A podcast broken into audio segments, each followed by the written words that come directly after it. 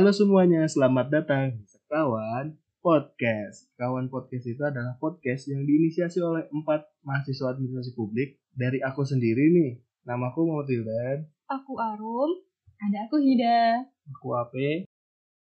Kenapa namanya Sekawan Podcast? Karena podcast ini di, diinisiasi oleh empat orang. Nah, Sekawan Podcast ini biasanya ngomongin hal-hal atau kegiatan yang berkaitan dengan administrasi publik sesuai dengan background-background kita loh. Di episode perdana yang kali ini nih, kita bakal ngomongin pergeseran nilai publik dalam pengambilan keputusan.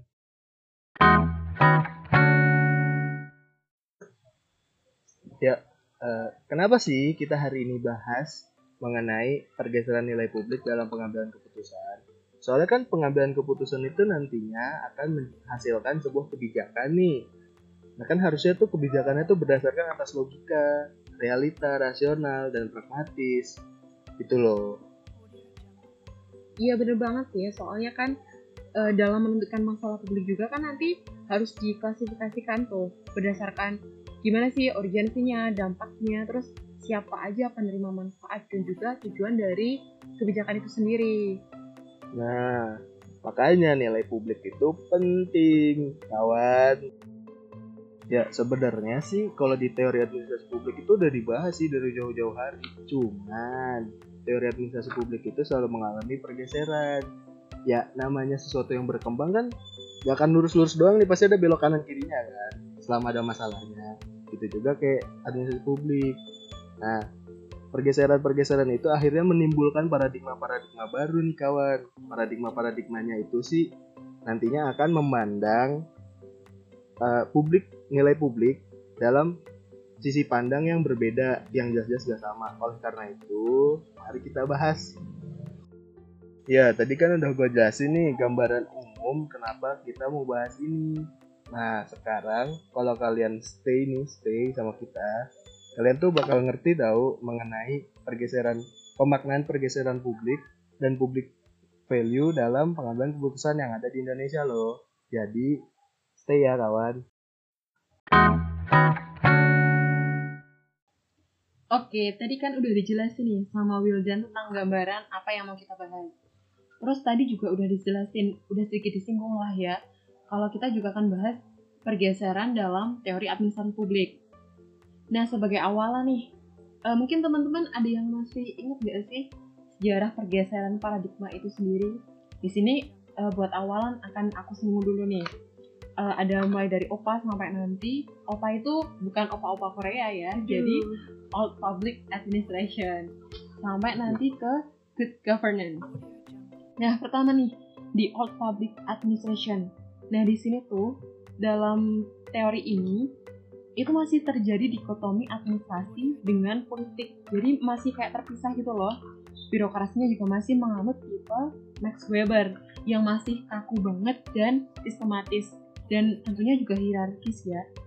Nah, jadi pelayanannya tuh dilaksanakan secara prosedural banget dan terkesan jadinya malah lambat karena terlalu hierarkis itu tadi.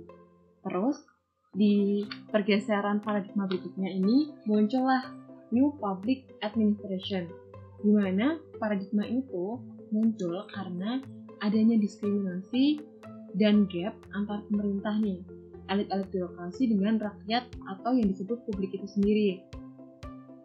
Nah, pemerintahan yang sentralistik ini cenderung memihak atau mengutamakan elit-elit aja, jadi mengabaikan perannya yang harusnya itu melayani publik. Nah, dalam NPA ini sendiri tuh ada yang tokoh yang terkenal tuh namanya Frederickson.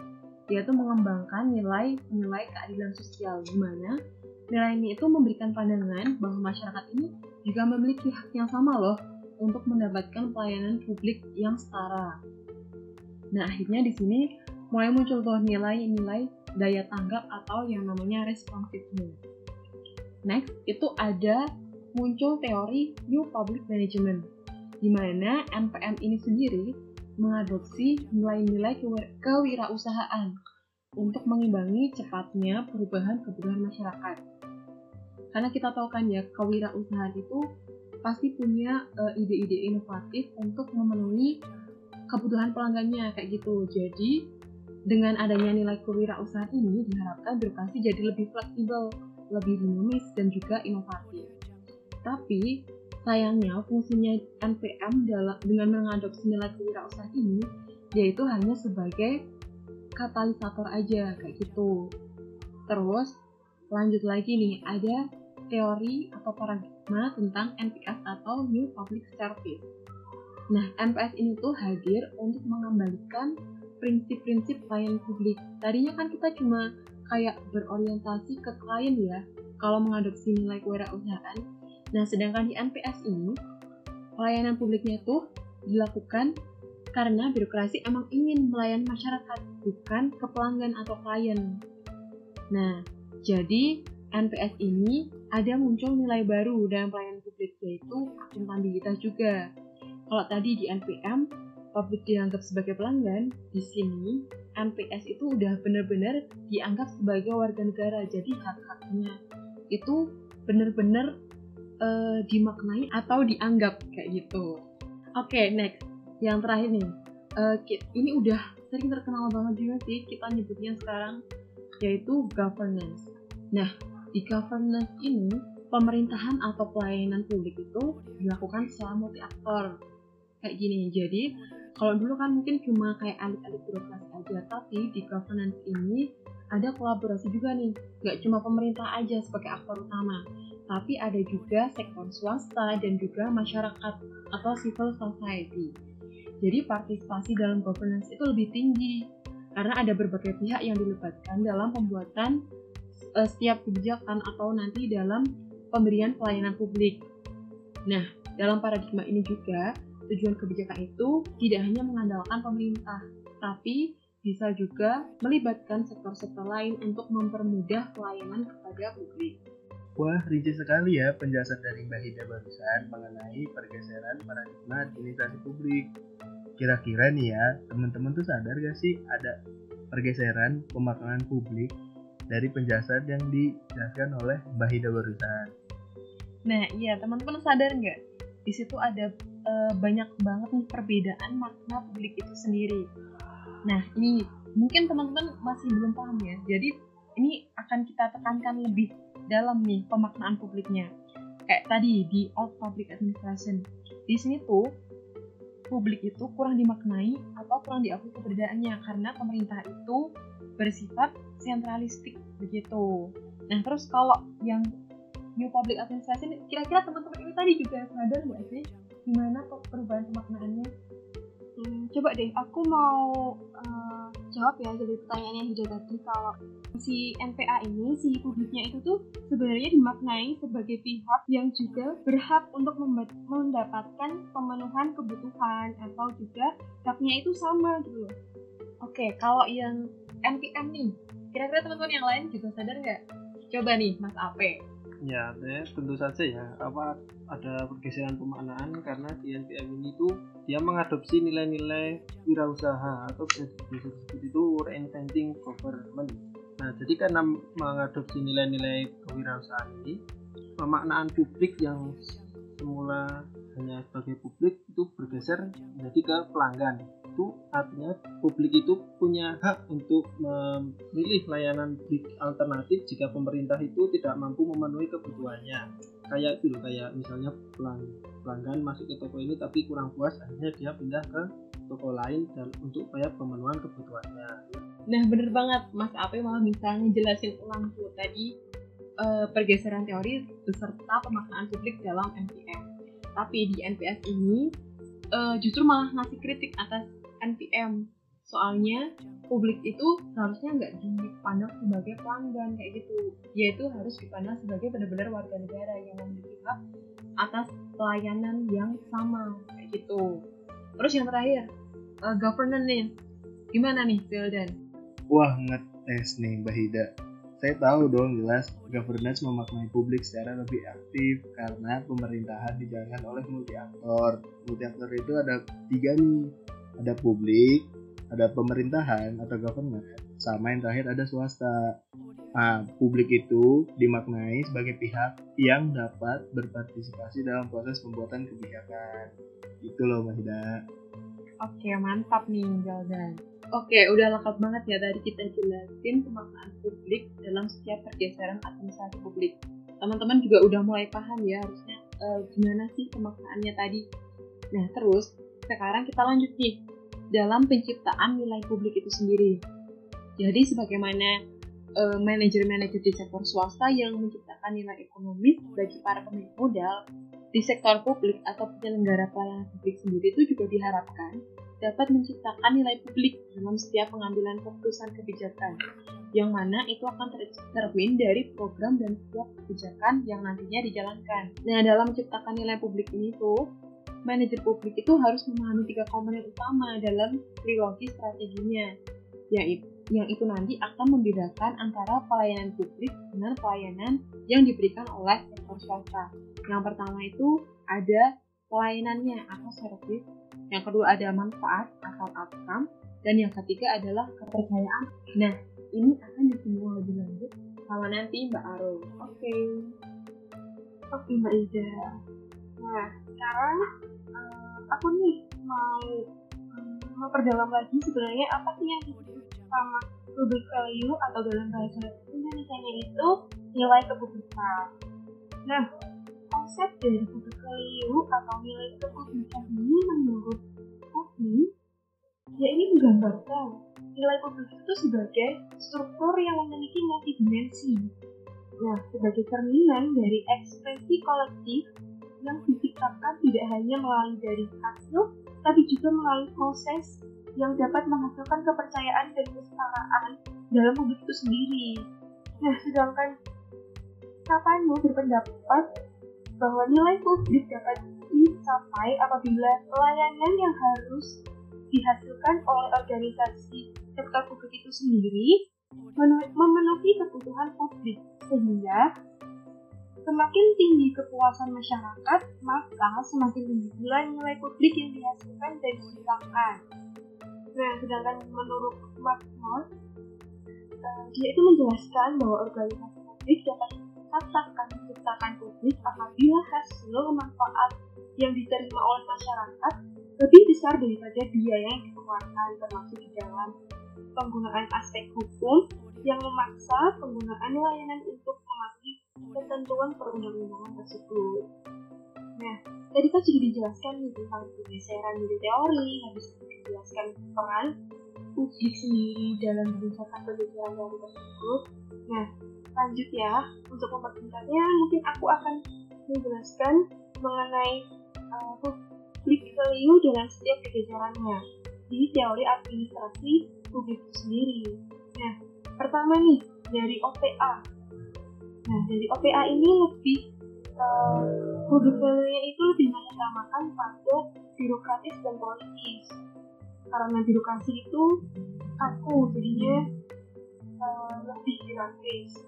Nah, tadi kan sudah dijelaskan bagaimana pergeseran dari teori administrasi publik yang dijelaskan pula uh, peran dari publik pada setiap teorinya. Nah, untuk mempersingkat, aku akan menjelaskan gimana sih uh, nilai publik yang diutamakan dari setiap teorinya. Nah, kalau dari OPA sendiri, ini tuh nilai publiknya itu terletak pada politis dan birokratis, di mana pengambilan keputusannya itu tuh uh, ada hubungannya birokratis dan ada unsur politik politiknya sendiri. Nah, dari paradigma NPA sendiri, nilai kepublikan ini tuh berada di keadilan sosial. Nah, karena si publiknya ini tuh dilayani pemerintah, jadi semua itu harus adil dan nyata. Nah, untuk uh, NPM sendiri, itu nilai publik yang diusung itu dipenuhi dengan kebutuhan. Jadi, bisa memilih alternatif penyediaan layanan dan adanya hak yang melakukan layanan tidak ada yang tidak memuaskan. Jadinya itu uh, setiap pengambilan keputusan itu melihat kebutuhan apa sih yang sedang um, diperlukan oleh masyarakat itu sendiri. Nah, kalau dari NPS sendiri, nilai publiknya ini tuh terletak pada warga negara. Karena uh, di sini warga negara lebih dipandang dan mereka memiliki hak untuk pelayanan dan suara mereka tuh diakui oleh pemerintah. Nah, yang terakhir ini nih, ada good governance. Nah, di mana nilai kepublikannya ini terletak pada kolaborasi dan civil society. Nah, hal ini tuh dikarenakan pemerintah itu dapat membangun kesadaran kolektif dan networking dari seluruh aktor yang terlibat seperti pemerintah, warga negara, atau masyarakat, dan uh, aktor luar Nah, tadi kan udah sempat nih disinggung sama Yuda tentang trilogi strategi dalam nilai kepublikan. Nah, uh, untuk itu aku akan memperdalam uh, trilogi strategi yang dimiliki uh, dalam nilai kepublikan itu sendiri. Nah, atau itu bisa disebut adanya tiga aspek yang harus dipenuhi oleh organisasi publik. Nah, yang pertama ini legitimasi dan dukungan. Ini tuh mengacu sama tas. Nah, yang kedua itu ada kemampuan operasional. Uh, ini mengacu pada pelayanan atau service. Dan yang terakhir ini adalah nilai substansi yang uh, ini mengacu pada outcome dari uh, kebijakan publik itu sendiri. Nah, uh, untuk lebih jelasnya aku akan menjelaskan dari yang legitimasi dan dukungan. Ini mengacu pada trust. Nah, uh, dukungan ini tuh menarik um, pada uh, sumber daya secara bersama-sama dari lingkungan yang diberikan otoritas. Nah, artinya si pemangku kepentingan politik ini diambil secara keseluruhan dengan alasan pemangku atas kekuatan imperial. Nah, yang pertama ini aku menjelaskan uh, mengenai legitimasi dan dukungan. Nah, dalam konteks ini, legitimasi dan dukungan ini merupakan uh, adanya pengakuan yang sah dan dukungan dari masyarakat terhadap kewenangan tersebut. Nah, hal ini tuh dapat dilihat dari undang-undang atau peraturan dari program dan sosialisasi yang, yang dilakukan serta adanya respon masyarakat terhadap program yang diselenggarakan. Nah, yang kedua, aku mau menjelaskan tentang kemampuan operasional. Itu mengacu pada pelayanan atau service. Nah, Hal ini itu dapat diartikan sebagai kemampuan organisasi internal dan eksternal yang dibutuhkan untuk pelaksanaannya. Kemampuan operasional ini seperti uh, kemampuan untuk mengelola SDM, infrastruktur atau teknologi, dan finansial. Nah, yang terakhir nih, nilai substansial yang mengacu pada outcome. Nah, itu yang akan meng, uh, mengacu pada nilai nilai yang ada pada publik itu sendiri yang bermanfaat gitulah nah dari kalian sendiri nih uh, tahu nggak sih nilai apa saja yang ada di nilai substansial ini sendiri? Tahu dong. Yang tahu aku sih di sini tuh ada beberapa nilai yang emang harus apa ya diperhatikan dalam setiap pengambilan keputusan. Tahu aku nih ya, yang pertama itu misal ada juga yang namanya nilai ekonomi Di mana kalau nilai ekonomi itu kayak apa ya?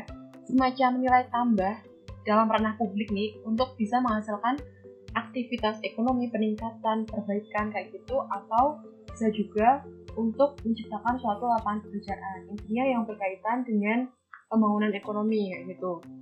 Terus ada pula nih nilai sosial dan budaya di mana ini tuh dalam ranah publik yang dimaksudkan itu gimana suatu keputusan yang diambil itu dapat berkontribusi dalam modal sosial, persatuan sosial, identitas, hubungan kesejahteraan individu maupun dengan kelompok, serta perlindungan terhadap keanekaragaman budaya di masyarakat kayak gitu. Nah tapi masih ada beberapa nilai lain. Kira-kira teman yang lain gimana? Tahu nggak? Tahu dong. Kan udah dibilangin dulu. Iya apa, sih? Apa tuh apa tuh? Apa? Nih yang ketiga tuh ada nilai politik. Nah nilai politik itu nilai tambah dalam ranah publik untuk menstimulus atau merangsang. Astagfirullah merangsang nih bedanya nih. Hmm. Ya menstimulus atau merangsang dan mendukung dialog yang demokrasi melalui keterlibatan aktif dan komitmen masyarakat. Nah, selain itu itu juga ada nilai pendidikan. Dengan nilai pendidikan ini artinya bisa memberikan peluang bagi semua masyarakat untuk mendapat pendidikan yang layak. Dan yang terakhir ada nilai ekologi. ya namanya aja ekologi pasti berkaitan dengan lingkungan kalau di sini mem, itu mempromosikan sustainable development yang ramah lingkungan demi kemanfaatan bersama Nah, itu tadi kan uh, strategi dari nilai uh, kepublikan. Nah, uh, ternyata di nilai publik ini tuh memiliki empat dimensi kunci. Nah, yang pertama, di mana nilai publik itu harus adanya pencapaian hasil, uh, dan yang kedua itu tuh adanya kepercayaan dan legitimasi. Yang ketiga ada kualitas penyampaian dari layanan yang diberikan, dan yang terakhir itu mencakup efisiensi baik uh, untuk manfaat yang maksimal namun dengan sumber daya yang minimal. Nah, itu tadi kan kita sudah memaparkan nih uh, dari penjelasan dari nilai kepublikan, terus uh, beserta dengan pergeseran dari teori-teorinya. Nah, untuk selanjutnya uh, mungkin kita akan dijelasin nih tentang contoh dari suatu kebijakan uh, di mana dia itu mengandung atau tidaknya nilai publik itu sendiri. Nah, akan dijelaskan oleh Mas Pate. Oke, ya terima kasih Mbak Arum atas kesempatannya. Tapi sebelum kita contoh, ini ada kuis dulu untuk mereview materi. Kan tadi sudah dijelaskan sama teman-teman banyak ya materinya. Nah, bikin pusing. Saya dengerin aja juga pusing. Untuk mereview, kita ya remeh-remeh aja kuis. Boleh, boleh. Oi, Ya, langsung saja ke kuisnya. Apakah teman-teman sudah bisa membayangkan bagaimana peran dan pemaknaannya dalam sebuah pengambilan keputusan atau kebijakan? Bisa. Atau mungkin ada yang masih sedikit bingung, gimana sih kita bisa mengetahui nilai-nilai publik ini dan dapat diukur dalam pengambilan keputusan itu gimana? Nah, setahu aku nih ya, nilai publik itu dapat diketahui melalui teknik analitik seperti evaluasi program. Nah, bener tuh apa yang udah dikatakan sama Arum.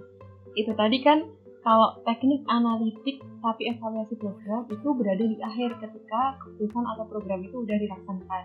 Tapi kita bisa juga mengukur nilai publik itu atau melihatnya selama prosesnya. Jadi misalnya ketika sedang perumusan kebijakan atau pemilihan alternatif-alternatif keputusan, itu kita bisa melihat melalui analisis efektivitas biaya. Jadi bisa diperbandingkan kayak gitu. Nah, betul banget tuh yang udah ngomongin sama Mbak Arum sama Mbak Hida. Karena biasanya nilai publik itu dapat dapat terlihat dengan jelas ketika ada di akhir di bagian evaluasi, di mana kepuasan dari pengguna layanan itu dapat terlihat dengan jelas.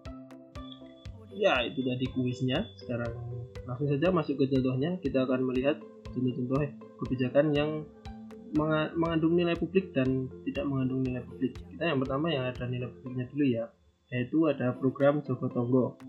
Dalam program ini tuh pemerintah mengajak masyarakat untuk berkolaborasi dalam penanganan COVID.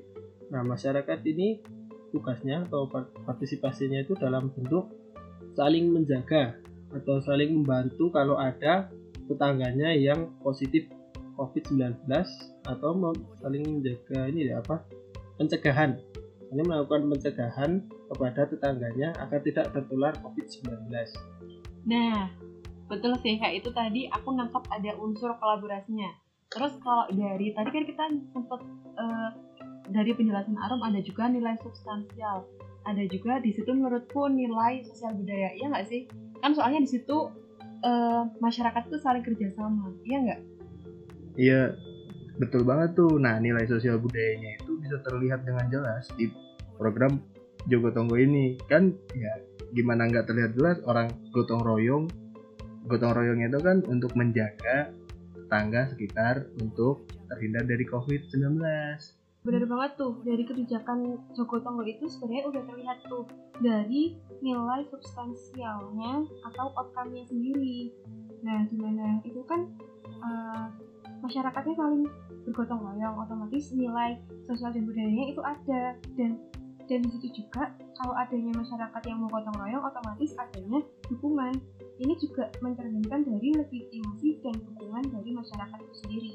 Tetapi dalam pengambilan keputusan ini tidak semuanya itu dapat berjalan lancar dan mulus Ah, yang benar Mas Ape.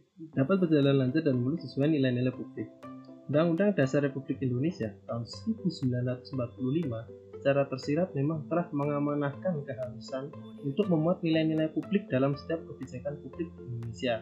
Namun, arogansi, kepentingan pribadi, dan ketidakpahaman dari para pejabat publik dan penyelenggara negara mengakibatkan lahirnya kebijakan-kebijakan publik yang tidak mengandung unsur nilai publik. Ironisnya, kebijakan-kebijakan tersebut tetap digaungkan atas nama kepentingan rakyat. Pada akhirnya, hal tersebut hanya memunculkan masalah baru, yaitu keberpihakan dalam pengambilan keputusan. Nah, sekarang contoh yang kurang memasukkan unsur nilai publik. Ah, ada banyak itu mah contohnya Mas Ape. Ya, tapi kita ambil satu aja. Oke. Yaitu kebijakan ekspor benih lobster. Kita semua tahu kalau kebijakan benih lobster ini adalah kebijakan pesanan. Adanya rent seeking dan kepentingan penguasa untuk keuntungan pribadi. Saat kasus ini dikuak, ada beberapa nama petinggi atau elit sebagai pemilik perusahaan pengekspor benih yang terlibat. Ini jelas tidak mencerminkan nilai publik karena merugikan nelayan dan hanya mengusahakan perusahaan eksportir yang dimiliki oleh para elit. Nah, kalau aku bisa lihat dari contoh kasus ini, berarti kayak nilai ekonominya kurang dimasukin ya, karena kan harusnya eh, ini loh, benih-benih lobster ini kan harusnya bisa diberikan bagi nelayan untuk nanti meningkatkan perekonomian mereka, mereka jadi bisa melakukan perdagangan, jual beli, dan aktivitas ekonomi di masyarakat itu dapat berjalan, roda perekonomiannya berjalan gitu loh, dari dalam negeri, nggak cuma keuntungan diekspor aja gitu loh. Menurut teman-teman gimana? Kalau menurut saya sih ya, kebijakan ekspor benih lobster itu benar-benar kebijakan yang terlalu ada kepentingan politisnya sih. Karena sebagaimana yang kita ketahui bahwa kebijakan benih ekspor benih lobster itu sebenarnya bukan alternatif utama gitu. Masih banyak kebijakan-kebijakan lainnya yang jauh lebih memberikan dampak kepada masyarakat gitu. Nah, bener banget nih apa yang dibilang sama Ida sama Huldan tadi. Nah, tadi kan Huldan sempat uh, ngomongin nih, di dalam ekspor benih lobster ini adanya unsur dari uh, politisnya sendiri. Nah, ini sama aja mengacu sama nilai uh, public value di teori uh, paradigma teori administrasi publik yang OPA. Nah, di mana si OPA ini tuh lebih uh, memandang nilai publik itu lebih pada birokratis dan politis. Nah, di mana setiap pengambilan itu tuh ada hierarkisnya sendiri juga gitu loh. Akhirnya kita sampai pada penghujung podcast episode hari ini, episode perdana nih. Omongannya berat-berat banget. Gimana? Kalian ada ngantuk gak nih? walaupun agak ngantuk tapi yang jelas ini informasi yang sangat berbobot banget ya kalau menurutku sih soalnya ini penting banget buat kalian mahasiswa administrasi publik Dan selain itu informasi ini juga mengandung manfaat yang lebih mendalam gitu loh agar kita tuh bisa melek sama kebijakan yang dibuat oleh pemerintah. Ya lumayan lah buat ngisi waktu luang, tambah-tambah informasi. Jadi mantap-mantap banget gila jawabannya keren keren keren.